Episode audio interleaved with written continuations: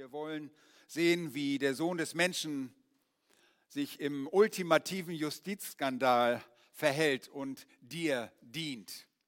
Dir, wenn du ein Kind Gottes bist, denn für dich durchleidet er diese Dinge. Unser Text heute Nachmittag kommt aus Markus Kapitel 14 und dort die Verse 53 bis 65. Ich lese den Text aus der Schlachter 2000 für euch. Und sie führten Jesus ab zum hohen Priester und alle obersten Priester und die Ältesten und die Schriftgelehrten kamen bei ihm zusammen. Und Petrus folgte ihm von ferne bis hinein in den Hof des hohen Priesters und er saß bei den Dienern und wärmte sich am Feuer. Die obersten Priester aber und der ganze Hohe Rat suchten ein Zeugnis gegen Jesus, um ihn zu töten, und sie fanden keines. Denn viele legten ein falsches Zeugnis gegen ihn ab, doch stimmten die Zeugnisse nicht überein. Und es standen etliche auf, legten ein falsches Zeugnis gegen ihn ab und sprachen, wir haben ihn sagen hören, ich will diesen mit Händen gemachten Tempel zerstören und in drei Tagen einen anderen aufbauen, der nicht mit Händen gemacht ist. Aber auch so war ihr Zeugnis nicht übereinstimmt. Der hohe Priester stand auf, trat in die Mitte, fragte Jesus und sprach, antwortest du nichts auf das, was diese gegen dich aussagen? Er aber schwieg und antwortete nichts. Wieder fragte ihn der hohe Priester und sagte zu ihm, bist du der Christus, der Sohn des Hochgelobten? Jesus aber sprach, ich bin's. Und ihr werdet den Sohn des Menschen sitzen sehen, zur Rechten der Macht und kommen mit den Wolken des Himmels. Da zerriss der hohe Priester seine Kleider und sagte, was brauchen wir weitere Zeugen? Ihr habt die Lästerung gehört. Was meint ihr? Und sie fällten alle das Urteil, dass er des Todes schuldig sei. Und etliche fingen an, ihn anzuspucken und sein Angesicht zu verhüllen und ihn mit Fäusten zu schlagen und zu ihm zu sagen, Weissage. Und die Diener schlugen ihn ins Gesicht. Soweit der Text. Lasst uns beten. Herr, wir staunen einfach schon beim Lesen dieses Textes, was du, der ewige Gott, der Schöpfer dieser Welt, über dich ergehen hast lassen, um dieses wunderbare Ziel der Erlösung für uns zu erwirken, dir eine, selbst eine Braut zu erkaufen mit dem Kaufpreis deines eigenen Blutes. Hab Dank dafür, dass du so willig warst, dass du niemals dem Willen des Vaters widerstanden hast, sondern deinen Willen in den Willen des Vaters eingefügt hast. Herr, das macht uns so froh, wenn wir zurückblicken auf diese Ereignisse, denn das macht unser Leben aus. Herr, wir wollen von dir lernen, wie du gedient hast, wie du demütig Dinge über dich ergehen hast lassen. So wollen wir von dir lernen und auch neu dankbar werden für das, was du bereits getan hast, wie du gedient hast. Wir beten dich an, denn wir erkennen dich nicht nur als den Sohn des Menschen, sondern als den Sohn des Hochgelobten. Du bist der ewige Gott. Wir sind deine Kinder. Hab Dank für das Privileg, das wir haben, dass wir das Wort Gottes öffnen können, dass wir die dort geschriebenen Worte verstehen können und jetzt darüber nachsinnen können. Gib du dazu gelingen, um deines Namens willen. Amen. Das Thema dieses Abschnitts ist, wie der Sohn des Menschen im ultimativen Justizskandal dient. Nun, innerhalb weniger Stunden nach seinem Verrat und der Gefangennahme in Gethsemane sollte sich der Herr Jesus vor dem religiösen und zivilen Richtern mit jeweils drei Verhandlungsgängen verantworten. Zum einen in seiner Verhandlung vor dem jüdischen Hohen Rat, dem höchsten Gerichtshof der Juden, dem Sanhedrin, gab es insgesamt drei Vernehmungen. Die erste davon war vor Hannas, die zweite Vernehmung war eine nächtliche vor dem Hohen Rat unter dem Vorsitz von Kaiaphas oder wenn ihr Elberfelder habt, Kaiphas. Und eine frühmorgendliche Verhandlung, bei der dann nur noch das offizielle und das endgültige jüdische Urteil bekannt wird. Auch vor der zivilen Obrigkeit gab es drei Verhandlungsgänge. Erst wurde Christus zu Pilatus gebracht, der, als er dann erfuhr, dass Jesus aus Galiläa stammte, ihn zu Herodes schickte und dieser ihn zurück zu dem dritten Verhandlungsgang zu Pilatus zurückführt, der dann Jesus für die Kreuzigung freigibt. Jesus erduldet weiterhin den Widerspruch von Sündern gegen sich und ist gleichzeitig darauf bedacht, und das haben wir schon bei den vorhergeschehenen Ereignissen beobachten können, er ist weiterhin darauf bedacht, seine Jünger zu schulen, sie zu belehren. Er ist der Diener, der sein Leben für die vielen geben sollte, ganz wie Johannes Markus das in Kapitel 10 und Vers 45, diesem Schlüsselvers des Evangeliums gesagt hatte. Dort steht, denn auch des Menschensohn ist nicht gekommen, um sich dienen zu lassen, sondern um zu dienen und sein Leben zu geben als Lösegeld für viele. Und so kommen wir mit diesem Wissen zu unserem ersten Punkt im Text von heute Nachmittag. Und das, der erste Punkt ist, Jesus lässt sich zu einem illegalen Gerichtsprozess abführen. Das ist sein Dienst für dich und mich, die wir glauben. Er lässt sich abführen zu einem illegalen Gerichtsprozess. Das sind die Verse 53 55, 63 und 64 sehen wir das. Ich gehe nicht auf alles sehr detailliert ein. Ich möchte euch nur kurz äh, das zeigen, was dort steht. Und sie führten ihn ab zum hohen Priester und alle Obersten und die Ältesten und die Schriftgelehrten kamen bei ihm zusammen. Das ist bei dem hohen Priester. Vers 55, die obersten Priester aber und der ganze Hohe Rat suchten ein Zeugnis gegen Jesus, um ihn zu töten, und sie fanden keines. Dann sehen wir das Entsetzen des hohen Priesters in Vers 63. Er zerriss seine Kleider und sagte, wir, was brauchen wir weitere Zeugen? Er sieht keine Not dafür, noch Zeugen zu befragen. Er hörte gerade seines Wissens, meinte er, die Gotteslästerung. Ihr habt diese Lästerung, Vers 64, gehört. Was meint ihr? Und sie fällten alle das Urteil, dass er des Todes schuldig sei. Nun, die Ereignisse vor dem Tod des Herrn den Jesus selbst lange zuvor angekündigt hatte, die überschlagen sich jetzt. Und hier im Text sehen wir eine sehr niederträchtige Art der Ratsmitglieder des jüdischen, der jüdischen Gerichtsbarkeit zur Zeit Jesu. Und das ist die größte, der größte Justizskandal der Geschichte.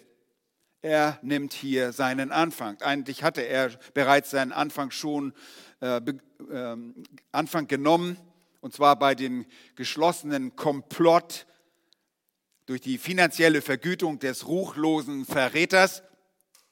Aber es sollte ein Komplott werden, der von Anbeginn den Tod des Herrn vor Augen hatte und auf dessen Tod abzielte und so also auf ein Justizmord hinauslief.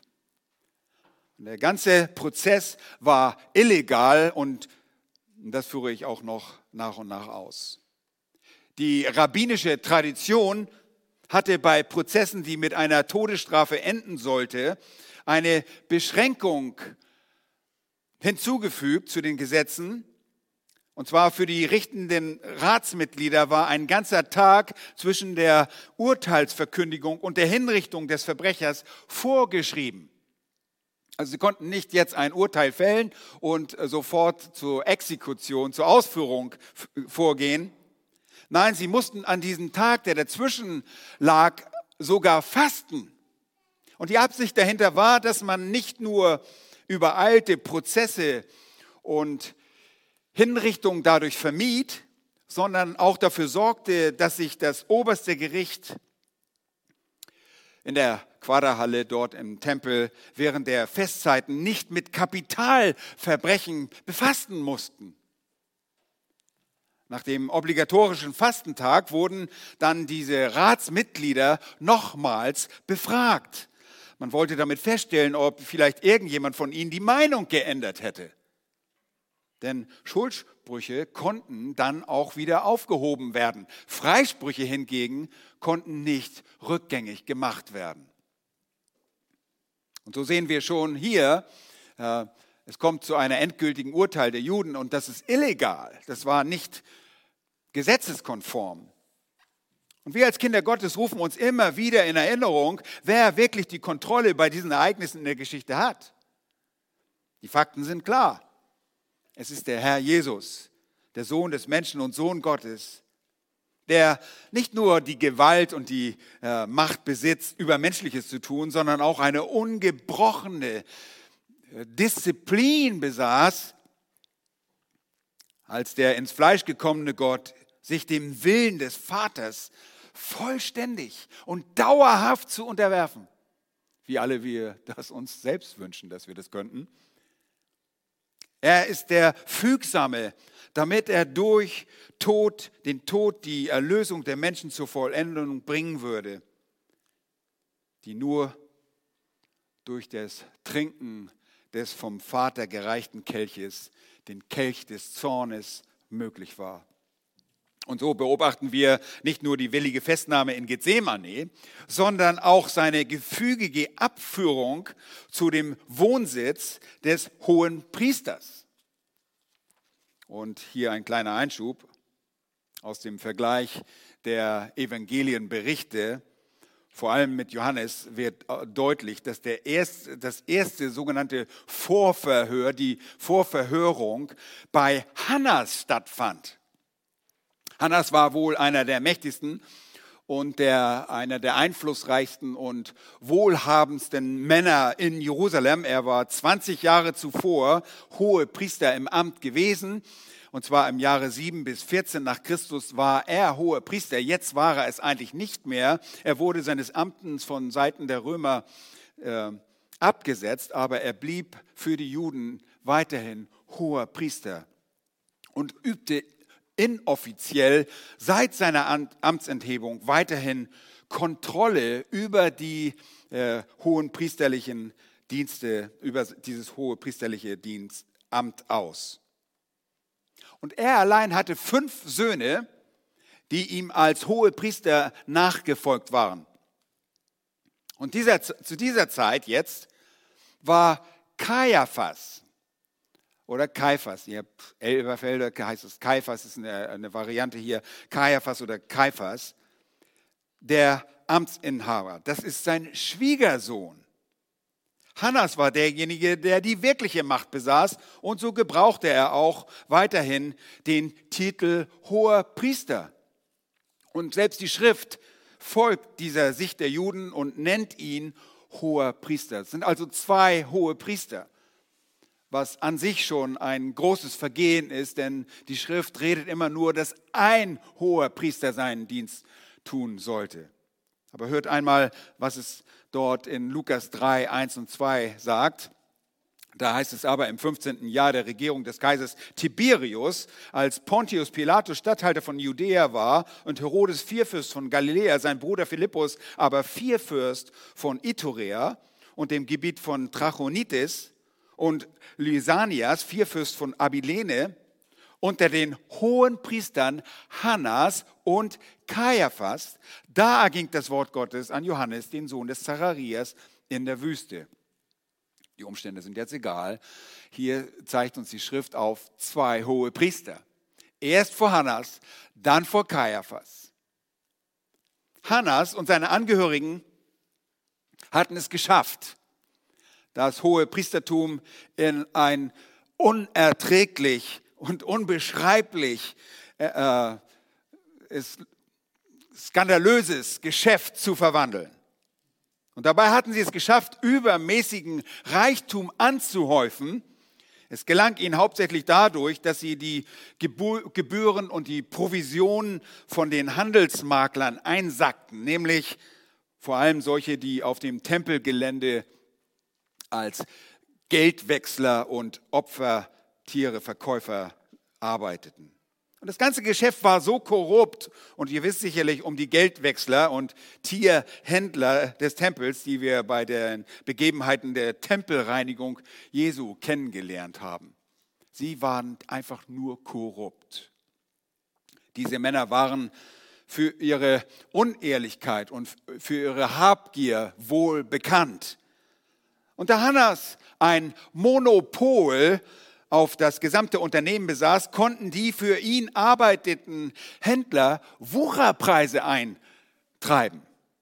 Ja, also stellt euch vor, da kommen diese Händler in den Tempel und sie brauchen äh, die dort gültige Währung und sie müssen ihr Geld äh, eintauschen und dort wird eine riesige Provision, ein, eine riesige Gebühr erhoben. Genauso war es bei den Verkäufen der Opfertiere, die sie offensichtlich nicht mitbringen können. Wenn ein Pilger aus Italien kam, dann hat er nicht irgendwo sein Schaf auf dem Rücken gehabt, sondern musste es dort kaufen. Und dort musste er es zu Wucherpreisen kaufen. Dieses Geschäft blühte. Und vor allem während dieser großen Feste, so wie es jetzt das Passafest war denn die Stadt war mit Pilgern von nah und fern übersät. Und mit diesem Oberhaupt des Sanhedrins zusammen sollten sich nun im Schatten der Nacht alle obersten Priester und Ältesten und die Schriftgelehrten zusammen versammeln. Und Johannes allein berichtet von dem ersten Verhandlungsgang und dem Gehör bei Hannas. Aber schon bald übernimmt sein Schwiegersohn Kaiaphas das zweite Verhandlungsgeschehen. Markus berichtet davon. Und die Familie des Hannas war betucht. Und er hatte sicherlich ein großes Haus, wenn man überhaupt noch von einem Haus sprechen kann. Es muss ein Riesenanwesen gewesen sein. Und er hatte, Hannas hatte ein Haus, das einen Innenhof hatte, das vermutlich, so sieht es aus, an das Haus seines Schwiegersohnes grenzte, so dass sie einen gemeinsamen Innenhof hatten. Denn dort versammelten sich jetzt auch alle Zuschauer und die Schaulustigen bei diesem Prozess. Und selbst den Jünger Johannes und Petrus war es gelungen, Johannes kannte den hohen Priester und es war ihm gelungen, dort Eingang zu erhalten. Und wir werden davon in einer weiteren Predigt noch mehr hören. Jesus, so wissen wir bereits aus seiner dreimaligen Leidensankündigung, hatte sich ihnen willig und im vollen Wissen der kommenden Ereignis ergeben. Er geht einfach mit. Schaut mit mir noch einmal zurück auf diese genauen Ankündigungen im Markus-Evangelium. Und das ist die erste dort in Kapitel 8, Vers 31. Markus 8, Vers 31. Da fängt Jesus an. Da heißt es, und er fing an, seine Jünger sind bei ihm, sie zu lehren, der Sohn des Menschen müsse viel leiden und auf die Personengruppen hin von Ältesten und den obersten Priestern und Schriftgelehrten verworfen und getötet werden und nach drei Tagen wieder auferstehen. Hier sehen wir nicht nur eine Leidensankündigung, sondern auch die Ankündigung seiner Auferstehung. Bei der zweiten ist es allgemeiner gehalten, Markus Kapitel 9, Vers 31, also ein Kapitel später, da heißt es, der Sohn des Menschen wird in die Hände der Menschen ausgeliefert. Okay? Dann schließlich die dritte Ankündigung in Markus Kapitel 10 und Vers 33. Sagt er, siehe, wir ziehen hinauf nach Jerusalem. Jetzt wird es konkret. Und der Sohn des Menschen, das ist seine Lieblingsbezeichnung für sich selbst, wird den obersten Priestern und den Schriftgelehrten ausgeliefert werden. Und sie werden ihn zum Tode verurteilen. Und ihn den Heiden ausliefern. Ihr Lieben, das nenne ich eine präzise Vorhersage. Denn genau so kam es. Und wie ich sagte, sollten es sechs verschiedene Schritte der Verurteilung des Herrn Jesus geben. Erstes Vorverhör bei, jo, bei Hannes, Hannas. Zweites Verhör bei Kaiaphas. Und zwar ein nächtliches Verhör, das illegal ist. Dann ein drittes Verhör, an frühen Morgenstunden, nach der Sonnenaufgang, könnt ihr auch nachlesen in äh, den verschiedenen Evangelien. Aber dann kommt die Sendung zu Pilatus, zu der zivilen Obrigkeit, denn äh, die Juden durften allein kein, kein Todesurteil aussprechen, beziehungsweise das, die Vollstreckung anordnen. Pilatus wiederum sendet, nachdem er erfährt, dass Jesus von, aus Galiläa ist, ihn zu Herodes Antipas. Antipas war äh, für dieses Gebiet Galiläa zuständig, unter anderem. Dann, nachdem er dort auch verspottet wird und äh, Herodes ihn zurückschickt, kommt er erneut zu Pilatus und Pilatus übergibt ihn oder gibt ihn frei zur Kreuzigung. Die Erfüllung dieser Leidensankündigung Jesu ist jetzt im vollen Gange. Jesus lässt sich verhaften und aus diesem Grund, gemäß seiner ewigen Absichten, lässt er es sich einfach auch abführen. Er ist jetzt schon vor dem amtierenden Hohenpriester Kaiaphas. Später, und in einer weiteren Predigt hören wir dann noch von der Auslieferung an die Heiden, nämlich an Pilatus und Herodes. Aber Jesus lässt sich nicht nur, und das war der erste Punkt, zu einem illegalen Gerichtsprozess abführen, sondern er lässt seinen geliebten Jünger folgen. Das ist der zweite Punkt. Er lässt seinen geliebten Jünger folgen. Und denkt ihr, das, das ist Johannes, aber hier spricht er von Petrus. Wisst ihr was? Alle seine Jünger waren ihm beliebt und hat er geliebt. Und uns liebt er auch falls ihr irgendwelche Zweifel daran habt. Er lässt Petrus folgen, Vers 54, und Petrus folgte ihm von ferne bis hinein in den Hof des hohen Priesters und er saß bei den Dienern und wärmte sich am Feuer. Dort in Vers 54 sehen wir also eine kurze Ausblendung der ersten und beherrschenden Szene, die zu der illegalen Gerichtsverhandlung im Folgenden führt. Die erste Szenenhandlung führt Jesus in diesen jüdischen Justizskandal. Und Vers 54 blendet der Autor über zu einer dazugehörenden Nebenszene. Der Heilige Geist schwenkt gewissermaßen die Kamera auf einen für die Entwicklung der Geschichte wichtigen Nebenschauplatz. Die Dinge um seine Jünger betreffen den Herrn. Der Herr Jesus ist sehr besorgt um seine Jünger. Das haben wir in Gethsemane gesehen, als Jesus gebetet hat und sein Gebet unterbrochen hatte, immer wieder zu den Jüngern gegangen. Und das haben wir auch gesehen, als Jesus sich dafür einsetzt, dass sie sich nur um ihn kümmern, dass nur er gefangen genommen wird und seine Jünger fliehen können. Die Jünger sind ihm auch sehr wichtig, weil der Herr Jesus der Beschützer seiner Jünger ist und er seine Jünger durch das nun Erlebte be belehrt. Jünger sind Le Lerner, Mathetes sind Lernende.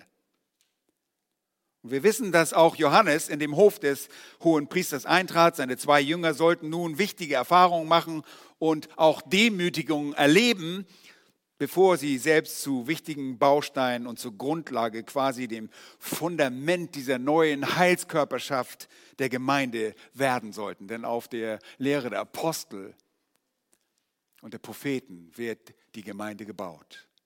Und dafür benutzt Jesus zwei seiner Repräsentanten. Und wir wissen also, dass nebst Petrus auch Johannes zum Zeugen dieser Ereignisse wird. Aber bei Johannes Markus ist Petrus das Hauptaugenmerk. Und er hatte auch eine besondere Affinität zu diesem Mann. Petrus kommt in diesen Hof und es ist äh, der Monat April im Jahre 30 nach Christus. Es ist noch frisch, es ist in den frühen Morgenstunden vor Sonnenaufgang und es ist durchaus noch kalt und so beschreibt Johannes Markus ihn als bei den Dienern sitzen und dabei wärmte er sich an einem offenen Feuer. Und von dort aus konnte Petrus diesen Prozess sehr gut folgen, zusehen. Es war Petrus, der später als Augenzeuge, deshalb auch von Jesus, schreiben konnte. Im ersten Petrusbrief sagt er folgendes in Kapitel 2, Vers 22. Das hatte er schon erlebt während seiner Dienstjahre, aber er schreibt sehr spezifisch. Er hat keine Sünde getan. Es ist auch kein Betrug in seinem Mund gefunden worden. Vers 23, als er geschmäht wurde, schmähte er nicht wieder. Als er litt, drohte er nicht, sondern übergab es dem, der gerecht richtet. Das sind die Worte des Petrus. Jesus lässt seinen geliebten Jünger Petrus all diese Dinge sehen und miterleben. Und alles, was diesem Jünger jetzt widerfährt und auch seine Verleugnung des Herrn und alles, was er jetzt beobachtet, das würde ihm in seiner, bei seiner zukünftigen Berufung im Dienst als Apostel und der Nachfolger des Christus nur stärken. Oh Jesus, lässt so viel zu. Und wir beobachten drittens, dass er gewillt ist, noch mehr Unrecht zu erdulden. Drittens, er lässt falsche Zeugen gegen sich auftreten. Er lässt falsche Zeugen gegen sich auftreten. Ich lese die Verse 55 bis 59. Die obersten Priester aber und der ganze Hohe Rat suchten ein Zeugnis gegen Jesus um ihn zu töten, und sie fanden keines. Denn viele legten ein falsches Zeugnis gegen ihn ab. Doch stimmten die Zeugnisse nicht überein. Und es standen etliche auf, legten ein falsches Zeugnis gegen ihn ab und sprachen, wir haben ihn sagen hören, ich will diesen mit Händen gemachten Tempel zerstören und in drei Tagen einen anderen aufbauen, der nicht mit Händen gemacht ist. Aber auch so war ihr Zeugnis nicht übereinstimmend. Wir kommen jetzt zu den übrigen Teilnehmern der Gerichtsverhandlung. Und ein Blick auf die Synopsis, auf die Synoptiker, die Evangelien, lässt uns erkennen, dass dieses Geschehen auf die frühen Morgenstunden vor Sonnenaufgang fallen. Und das war diesen, bei diesem Vorgang,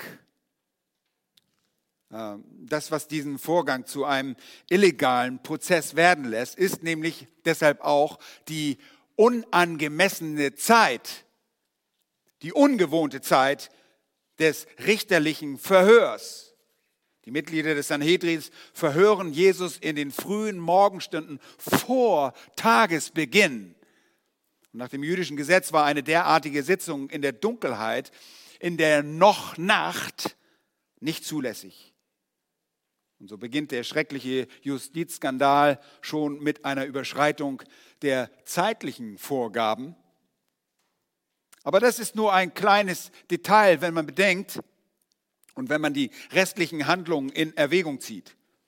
Schlimmer als die Tatsache eines nächtlichen Verhörs ist der Umstand, dass das Urteil für den Angeklagten bereits feststeht. Stell dir vor, ihr geht ins Gericht und bei den Richtern steht schon fest, den wollen wir umbringen. Ja, die sind, völlig, die sind gar nicht neutral. Bevor die ersten Zeugen überhaupt befragt werden, von einem objektiven Prozess, kann überhaupt keine Rede sein. Die Tötung des Fürsten des Lebens ist also ihr ausgesprochenes Ziel. Und so werden Zeugen nicht als Zeugen vorgeladen, solche, die vielleicht selbst unrechte Handlungen und strafbare Worte des Angeklagten vortragen, sondern sie werden vielmehr zur Bestätigung ihres bereits feststehenden Urteils herangezogen. Versteht ihr den Unterschied? Hm. Das ist ein geplanter Justizmord. Und so sucht das Gericht bewusst nach bösen Menschen, die ihrem Urteil die Legitimation verleihen. Schaut mal genau hin. Sie suchten ein Zeugnis gegen Jesus. Ah, das, das spricht nicht von Neutralität der Richter. Aber sie haben ein, ein Dilemma.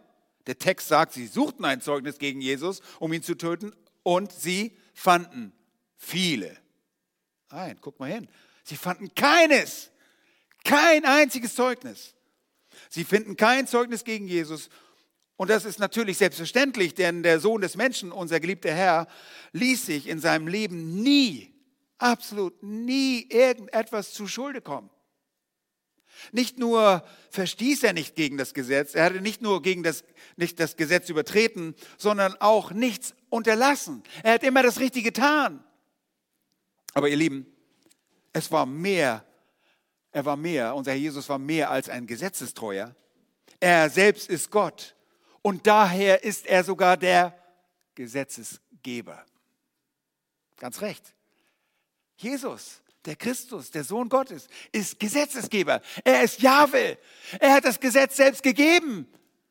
Was für ein Blödsinn ist es, das Gesetz Gottes zu übertreten? Jahwe, der Sohn, der das Recht bestimmt und aus dessen Wesen das Gesetz hervorging, steht hier vor dem Gericht von Menschen. Er, der Sohn Gottes selbst, trägt das Wesen des Gesetzes und es ist deshalb nicht möglich, dass er gegen das einzig legitime Recht verstößt. Wenn er gegen irgendwas verstößt, dann gegen menschliche, dazu gedichtete Tradition.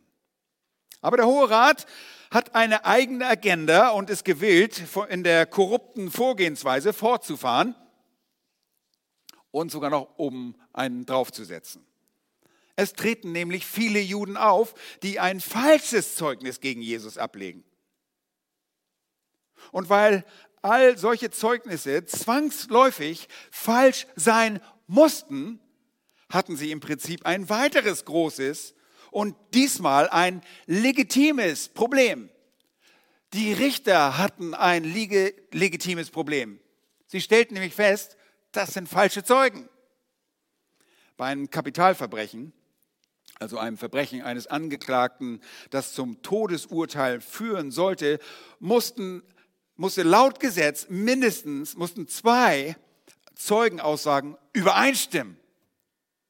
Eine reichte nicht aus. Es mussten mindestens zwei übereinstimmen. Nun, schon damit hatten sie ihre Mühe. Wir lesen, denn viele legten ein falsches Zeugnis gegen ihn ab, doch stimmten die Zeugnisse nicht überein. So eine Pleite. Suchen sie Zeugen und die lügen auch noch alle freiwillig, aber die stimmen nicht überein. Nun, die Erkenntnis der Nichtübereinstimmung der Zeugen hätte beim Hohen Rat eine Handlung erfordert, die aber ausblieb. Falsche Zeugen mussten nämlich an sich schon bestraft werden. Wir erinnern uns an die zehn Gebote. Dort heißt es in 20, 2. Mose 20 und Vers 6, du sollst kein Falschzeugnis reden gegen deinen Nächsten. Vers 16 ist das vielmehr. Sprüche 25, Vers 18 heißt es, ein Hammer, ein Schwert, ein spitzer Pfeil, so ist ein Mensch, der gegen seinen Nächsten ein falsches Zeugnis ablegt. Ein falscher Zeuge zerschmettert, das macht man so mit einem Hammer. Ein Schwert erschlägt und ein spitzer Pfeil durchbohrt. Und das ist die Aussage aus diesem Vers. Und im Gesetz lesen wir deutlich von den Anweisungen Jahwes im zweiten Gesetz an die nächste Generation, die zweite Generation der Wüstenwanderung in Hinsicht auf falsche Zeugen, dort im fünften Buch Mose, Kapitel 19, ich lese die Verse 16 bis 20 vor, folgendes steht dort. 5. Mose 19, 16 bis 20. Wenn aber ein falscher Zeuge gegen jemand auftritt, um ihn einer Übertretung zu beschuldigen. So sollen die Männer, die Streit miteinander haben vor Jahwe, vor die Priester und Richter treten, die zu jener Zeit im Amt sein werden. Und die Richter, hört mal genau hin, was sie tun sollen, sie sollen es genau erforschen. Stellt es sich aber raus, dass der Zeuge ein falscher Zeuge ist und gegen seinen Bruder falsches Zeugnis abgelegt hat, so sollt ihr ihm das antun, was er seinem Bruder antun wollte. Nun, hier sind, wird Brüder verwendet als ein Israelit, ein Mitjude, ein, das ist ein Bruder. So sollst du das Böse aus deiner Mitte ausrotten und die übrigen sollen es hören und sich fürchten und nicht mehr solche bösen Taten in deiner Mitte verüben. Diese bösen Taten der Verleumdung und des, der falschen Zeugenaussage. Nun, anstatt dass die Ratsmitglieder taten, was ihnen das Gesetz Gottes dort in Vers 18 vorschrieb, nämlich vorsichtig zu forschen, suchen sie bewusst nach falschen Zeugen und erleben dabei eine Pleite. Hm. Es findet sich keine Übereinstimmung der Zeugenaussagen, die eine Verurteilung zum Tode zulässt. Überhaupt keine Verurteilung zulässt. Es stellte sich also heraus, dass die Zeugen falsch waren. Und dann schaut mal in Vers 18b, stellt es sich heraus, dass der Zeuge ein falscher Zeuge ist und gegen seinen Bruder, also gegen den Israeliten, ein falsches Zeugnis ablegt. So sollt ihr ihm das antun, was er seinem Bruder antun wollte. Was wollten die? Sie wollten Jesus umbringen. Somit hätten alle falschen Zeugen umgebracht werden sollen. So sollst du das Böse aus deiner Mitte ausrotten. Und es ergibt sich aus dieser Vorgabe des Gesetzes, dass die Zeugen das Urteil, das bereits für den Herrn festgelegt wurde, hätten über sich ergehen lassen müssen. Das hätte den Tod für diese Zeugen bedeutet. Stattdessen lässt Jesus diese Dinge der Ungerechtigkeit über sich ergehen. Und hört einmal genau, was sie sagen, dort in Vers 58. Wir haben ihn sagen hören, ich will diesen mit Händen gemachten Tempel zerstören und in drei Tagen einen anderen aufbauen, der nicht mit Händen gemacht ist. Ganz offenbar haben sie eher mit einem halben Ohr zugehört und auch nicht verstanden, was Jesus dort in kryptischer Sprache sagte, wenn wir zu Johannes Kapitel 2 gehen. Und daher kommt dieses, äh, dieses Durcheinander in Johannes Kapitel 2 und dort in Vers 19. Ja, sagte Jesus, weil sie wollten ein Zeichen. Zeigst du uns ein Zeichen? Äh, Vers 18. Die Juden antworteten und sprachen zu ihm, was für ein Zeichen zeigt du uns, dass du dies tun darfst? Jesus antwortete und sprach zu ihnen, brecht diesen Tempel ab und in drei Tagen will ich ihn aufrichten. Hm. Da sprachen die Juden, in 46 Jahren ist dieser Tempel erbaut worden und du willst ihn in drei Tagen aufrichten? Und dann kommt die Lösung. Er aber redete von dem Tempel seines Leibes. Er redete von sich selbst. Er redete von dem Tod und der Auferstehung. Und sie kriegen das völlig durcheinander. Sie denken, oh, diese Aussagen, die beziehen sich auf diesen physischen Tempel, auf dem wir stehen. Nein, das war gar nicht seine Aussage. Was sie also hörten, hatten sie falsch verstanden. Jesus bezog sich damit auf seine Auferstehung, denn nach drei Tagen würde er vom Tod auferstehen. Aber er lässt der Stunde der Finsternis gewähren. Denn nur so würde er zum Sieg auf Golgatha gelangen. Und nur so würde die, würde die Vollendung der Sein bewirkt werden können. Und so lässt er die falschen Zeugen gegen sich in einem korrumpierten Verfahren auftreten. Zeugen, mit denen er selbst eines Tages vor dem großen weißen Thron ins Gericht gehen wird. Und ich möchte nicht in ihre Haut stecken. Nun, wenn wir im Text vorangehen, dann beobachten wir einen weiteren Punkt. Er lässt die törichten Ankläger in ihrer Narrheit verharren. Er lässt die törichten Ankläger in ihrer Narrheit verharren. Oder Narrheiten verharren. Vers 60 und 61, der, die erste Hälfte dort. Und der hohe Priester stand auf, trat in die Mitte, fragte Jesus und sprach, antwortest du nichts auf das, was diese gegen dich aussagen? Jesus lässt es alles kalt, der, der antwortet auf nichts. Er hört sich das alles an, lässt das alles an sich vorbeiziehen, antwortet nichts. Vers 61, er aber schwieg, antwortete nichts. Einfach nichts. Als würde es psch, nun, Jesus kannte offenbar Prediger Kapitel 3 und Vers 7. Da heißt es, Schweigen hat seine Zeit und Reden hat seine Zeit. Und er kannte sicherlich auch Sprüche 26, Vers 4. Da heißt es, antworte dem Narren nicht nach seiner Narrheit, damit du nicht auch du ihm gleich wärst. Nun, Jesus hatte nicht das Problem, diesen Narren gleich zu werden. Jesus war die Weisheit in Person. Wie konnte er diesen Narren antworten? Gar nicht. Und so schwieg er bewusst, einfach Mund gehalten.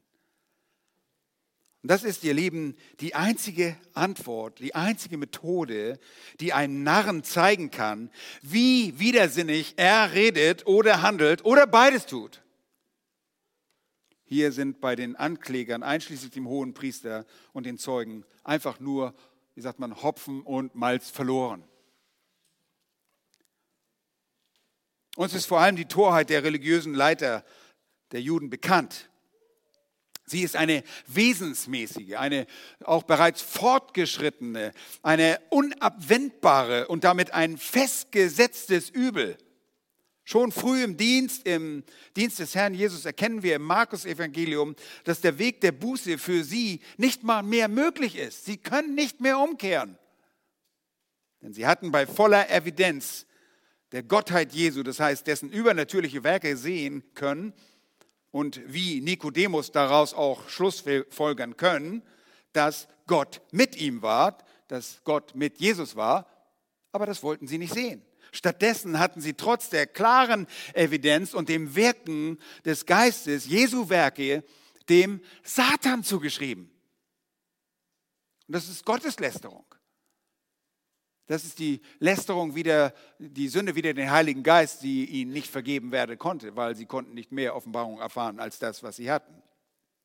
Jesus lässt seine törichten Ankläger in ihrer Naheit verharren und dient so uns und allen Kindern Gottes mit all diesen Dingen, trotz des gegen ihn gerichteten Widerspruches der Sünder, damit wir Erlösung erfahren sollten, damit er zum Kreuz gehen würde und den Kelch des Vaters, den Kelch des Zornes trinken würde. Die Torheit seiner Verfolger bremst Jesus nicht aus, sondern führt zu dem klar gesteckten Ziel des Kreuzes auf Golgatha. Und wenn Jesus die törichten Ankläger in ihrer Nahheit verharren lässt, so dient er damit gezielt allen Heiligen. Es hätte nichts genützt. Kennt ihr das auch? Wenn ihr Leute, die total versessen sind und völlig vereinnahmt von sich und nur von sich reden und du kriegst kein Wort in sie rein, das Allerbeste ist, dass ihr nicht weiter redet. Dass ihr euch umdreht und weggeht. Und Jesus ergibt sich dem und er, er antwortet ihnen auf diese Fragen nicht. Jesus zeigt damit auch und erinnert an seine uneingeschränkte und unbeeinflussbare Souveränität. Und diese Souveränität liegt seinen Aussagen, die aus dem fünften Punkt folgen, zugrunde. Fünftens, er lässt die jüdischen Richter erneut wissen, wer er wirklich ist. Zum einen schweigt er auf all die Anklagen, diese falschen Zeugnisse, was soll man da sagen? Aber jetzt lässt er die jüdischen Richter erneut wissen, wer er wirklich ist. Vers 61 und 62. Wieder fragte ihn der hohe Priester und sagte, bist du der Christus, der Sohn des Hochgelobten? Wow, allein die Frage ist schon toll. Jesus aber sprach, ich bin's. Und ihr werdet den Sohn des Menschen sitzen sehen zur Rechten der Macht und kommen mit den Wolken des Himmels. Da Jesus offenbar nicht auf die Falschzeugnisse der vermeintlichen Zeugen des illegalen Prozesses reagierte, diesen vorgebrachten Lügengeschichten dieser Feiglinge und auch nichts hinzufügte und auch ihnen nicht widersprach, sieht der hohe Priester sich zu dieser Frage veranlasst. Und es ist erstaunlich, wie direkt er jetzt fragt. Was für eine wunderbare Begebenheit in den Schatten der Morgenstunden dieser Nacht auf den Weg zur Vollendung.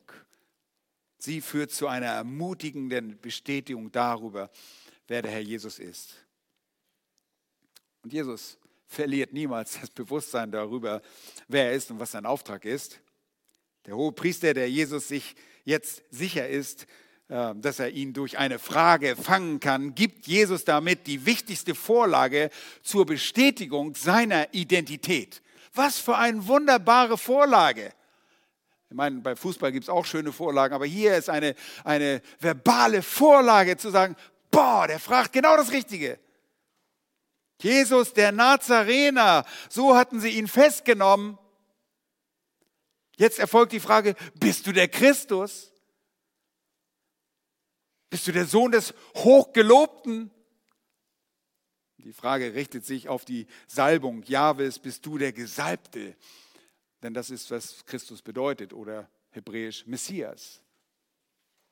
Wir wissen schon, er ist der Gesalbte.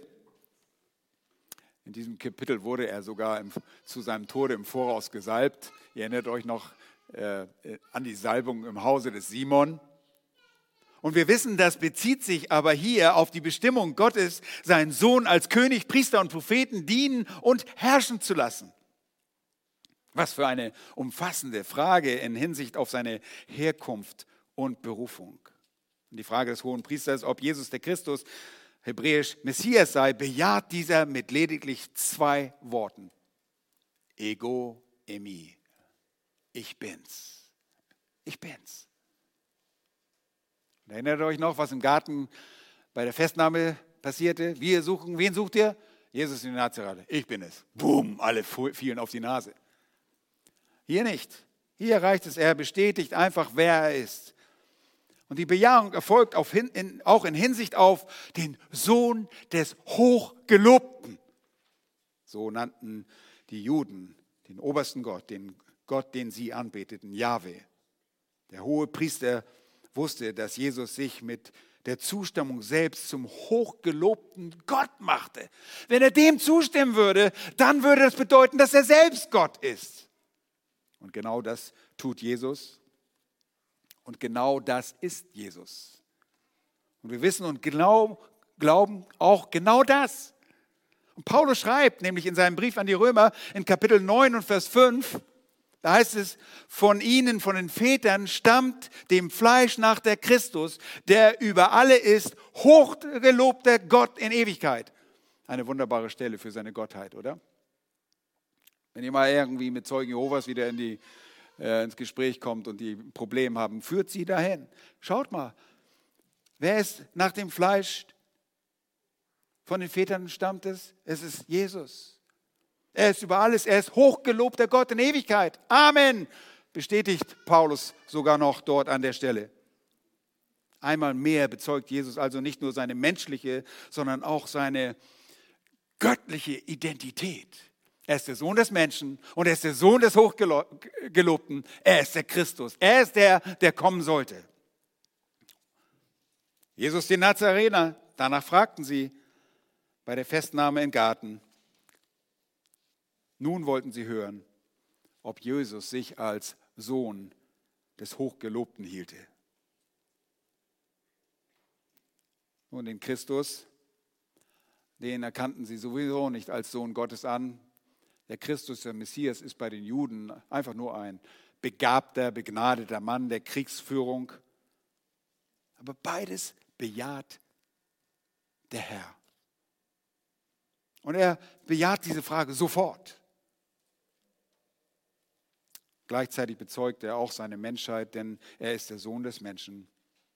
Jesus bestätigt somit seine Gottheit und äh, Menschheit gleichzeitig. Und um das zu bekräftigen, gibt es noch einen wichtigen Zusatz.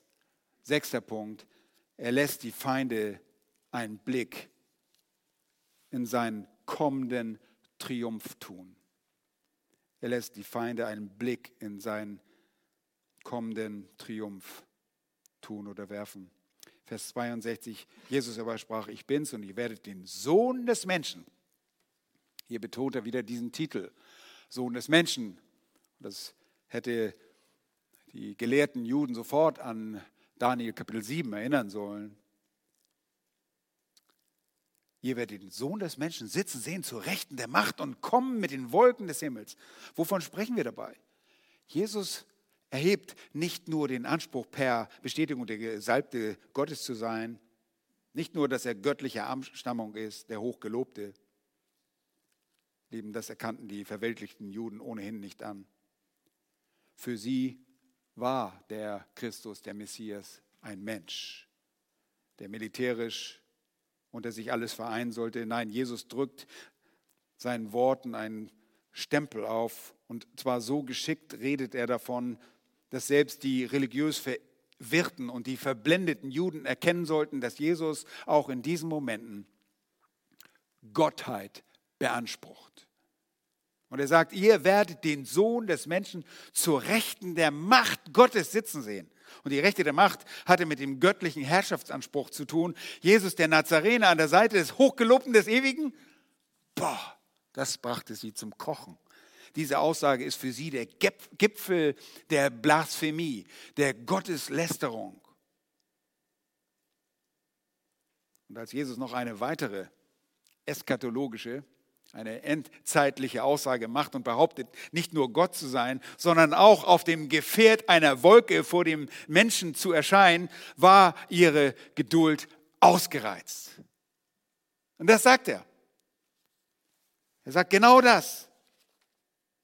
Ihr werdet den Sohn des Menschen sitzen sehen zur Rechten der Macht und kommen mit den Wolken des Himmels. Ihr Lieben, das, was Jesus da von sich gibt, ist für uns, die wir in der Schrift zu Hause sind, eine leicht einzuordnende Aussage. Er wird in der Luft erscheinen. Wir wissen, dass dies sowohl bei der Entrückung für die Heiligen Dort kommt er auch in den Wolken den Gläubigen entgegen, als auch bei der Wiederkunft des Herrn geschieht. Und diese Worte hätten sie sehr deutlich, wie ich schon sagte, an die Vision Daniels in Daniel Kapitel 7 erinnern sollen. Dort heißt es nämlich in Vers 13, ich sah in den Nachtgesichten und siehe, es kam einer mit den Wolken des Himmels, gleich einem Sohn des Menschen. Und er gelangte bis zu dem Hochbetagten Leider steht er nicht hochbelobt, aber das Hochbetagte ist Gott der Vater. Und wurde vor ihn gebracht. Und ihm wurde Herrschaft, Ehre, Königtum verliehen. Und alle Völker, Stämme und Sprachen dienten ihm. Seine Herrschaft ist eine ewige Herrschaft, die nicht vergeht. Und sein Königtum wird nie zugrunde gehen. Das spricht von unserem Herrn Jesus Christus. Und wir bringen das, was wir das konnten sie noch nicht, weil die Offenbarung nicht geschrieben ist, aber wir bringen damit auch Offenbarung Kapitel 1, Vers 7 in Verbindung. Dort heißt es, siehe, er kommt mit den Wolken und jedes Auge wird ihn sehen. Auch die, welche ihn durchstochen haben. Er sagt nämlich zu, zu, den, äh, zu den Anklägern, zu den Richtern, sagt er, ihr werdet es sehen. Und hier sagt Johannes, in der Offenbarung sagt der Herr Jesus Christus, in der Offenbarung seiner selbst, in der, in der Offenbarung 1, Vers 7. Jedes Auge wird ihn sehen, auch die, welche ihn durchstochen haben, und es werden sich seinetwegen an die Brust schlagen, alle Geschlechter der Erde. Ja, Amen. Nun, dem hohen Priester gefiel die Antwort irgendwie nicht, habe ich so einen Eindruck, wenn man so jetzt mal so da reinguckt, denn was macht er? Er zerreißt seine Kleidung. Da zerriss der hohe Priester seine Kleidung und sagte, was brauchen wir weitere Zeugen? Und ihr habt die Lästerung gehört. Was meint ihr? Und rettet sich jetzt zu seinen 70 Ratsmitgliedern. Und sie fällten alle das Urteil, dass er des Todes schuldig sei. Ihr Lieben, das ist die absolute Verdrehung der Fakten. Und es wird deutlich, was Sie hier sagen, das ist Lästerung. Habt ihr die Lästerung gehört, diese Blasphemie? Nicht Jesus hat gelästert, sondern sie lästerten Gott. Gott, der jetzt direkt vor ihnen stand in der Person des Herrn Jesus Christus. Aber Jesus bleibt dennoch. Mann, ist das erstaunlich. Hier ist der Schöpfer der Hochgelobte, der Gott der Ewigkeit, steht vor seiner eigenen Schöpfung, vor sündiger Schöpfung und er bleibt der Fügsame. Er bleibt auf Kurs und gibt sich willig ihrem Urteil, da Jesus darin den Willen des Vaters für sich erkennt. Siebtens, er lässt sich willig misshandeln. Und das ist ein schrecklicher Vers dass man Gott so etwas antun kann. Der lebendige Gott, dem lebendigen Gott ins Gesicht schlagen. Äh, zunächst erstmal anspucken, da heißt es, und etliche fingen an, ihn anzuspucken und sein Gesicht zu verhüllen. Die wollen blinde Kuh mit ihm spielen. Und ihn dann mit Fäusten zu schlagen und dann zu sagen, wer hat dich geschlagen, wer hat dich geschlagen, rate mal, wer dich geschlagen hat. Und dann zu ihnen zu sagen, wer weiß, sage doch, sag, sag uns, prophezeie, prophezei uns, wer war das? Sag uns die Wahrheit. Und die Diener schlugen ihn ins Angesicht. Und das alles bezeugt nochmals, wie schrecklich dieser Justizskandal war. Misshandlungen waren bei einer gerichtlichen Verhandlung, ein Prozess nach jüdischem Gesetz, streng untersagt. Das durfte es nirgendwo geben. Dieser Skandal ist einfach unvorstellbar. Der lebendige Gott in der Gestalt der Menschen lässt sich von der eigenen Schöpfung anspucken, die Augen verbinden. Er steckt willig Faust, Faustschläge ein, lässt sich durch die Aufforderung zu Weissagen verlästern und nimmt Schläge sogar in das Gesicht. Und ihr denkt vielleicht, ja, das haben andere Menschen auch getan. Das ist ja nichts Besonderes. Oh Mann, hier ist kein besonderer, hier ist kein, hier ist kein normaler Mensch. Hier ist der lebendige Gott, der nicht eine Sünde getan hat, der sich nicht einer Sache etwas zu Schulde hat kommen lassen, der nur Gutes tat.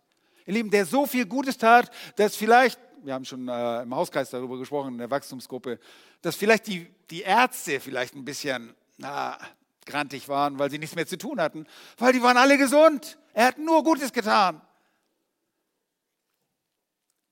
Und er bleibt ergeben und er bleibt dem Vater gehorsam, erniedrigt sich selbst und blieb gehorsam. Wie heißt es bei Paulus? Gehorsam bis zum Tode, ja zum Tode am Kreuz. Warum? Um dich und mich zu erretten. Und Jesaja sagt es sehr treffend. In Jesaja 53 und Vers 7.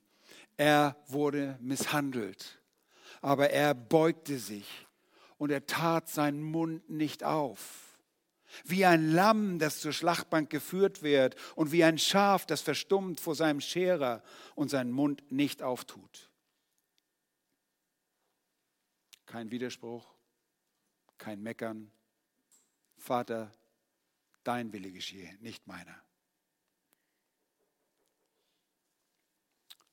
Und so können wir einfach nur sagen, wir können dem Herrn danken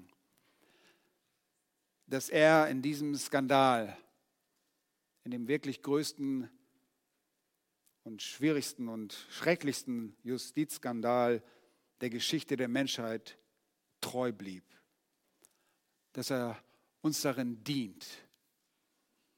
Und wisst ihr, nicht nur kommt er zum Ziel, sondern wir wollen Jesus immer zu unserem eigenen Vorbild nehmen. Und wir erinnern noch einmal an das, was der Schreiber des Hebräerbriefes sagt. Achtet auf ihn, der so einen Widerspruch von Sündern gegen sich erduldet hat, damit ihr nicht ermüdet und ermattet. Wenn er das erdulden kann, wie viel mehr wir, die wir das verdient haben. Ihr Lieben, lasst uns mit großer Dankbarkeit auf diese Ereignisse sehen und daran denken, was er tut. Wenn du eines Tages vielleicht im schweren Leid steckst, vielleicht steckst du jetzt schon im Leid, auf irgendeine Art und Weise, dann denke an das Leid des Herrn Jesus Christus. Danke ihm, dass er dich erlöst hat und dass eines Tages, weil er dich erlöst hat, allem Leid ein Ende bereitet wird. Jede Träne abgewischt wird, keine Krankheit und, preis den Herrn, keine Sünde mehr da sein wird. Lass uns ihm dafür danken. Herr, wir sind dir von Herzen so dankbar, dass du uns einen Einblick schenkst in den Verlauf dieser Geschichte.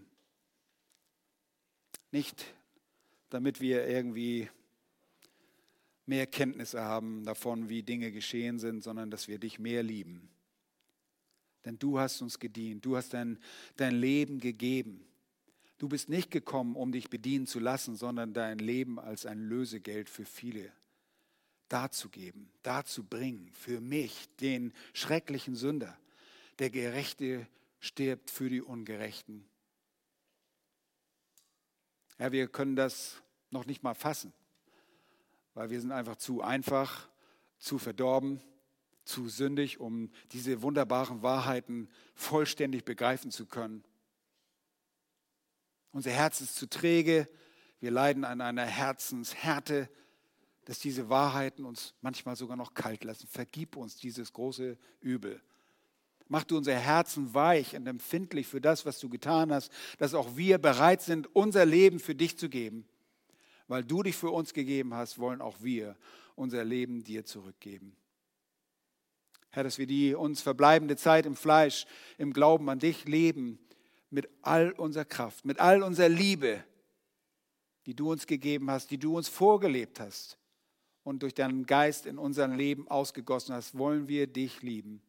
Vergib uns, dass wir oft so halbherzig sind, dass wir manchmal nicht mal aktiv dabei sind, sondern nur einfach Mitläufer sind. Vergib uns dieses große Übel und zeig uns, wie wir uns besser einbringen können in das Werk, zu dem du uns berufen hast. Mögen wir als treu erfunden werden. Und danke für den Kreuzestod, denn der war nötig.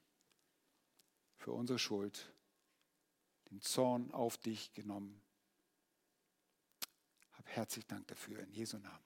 Amen.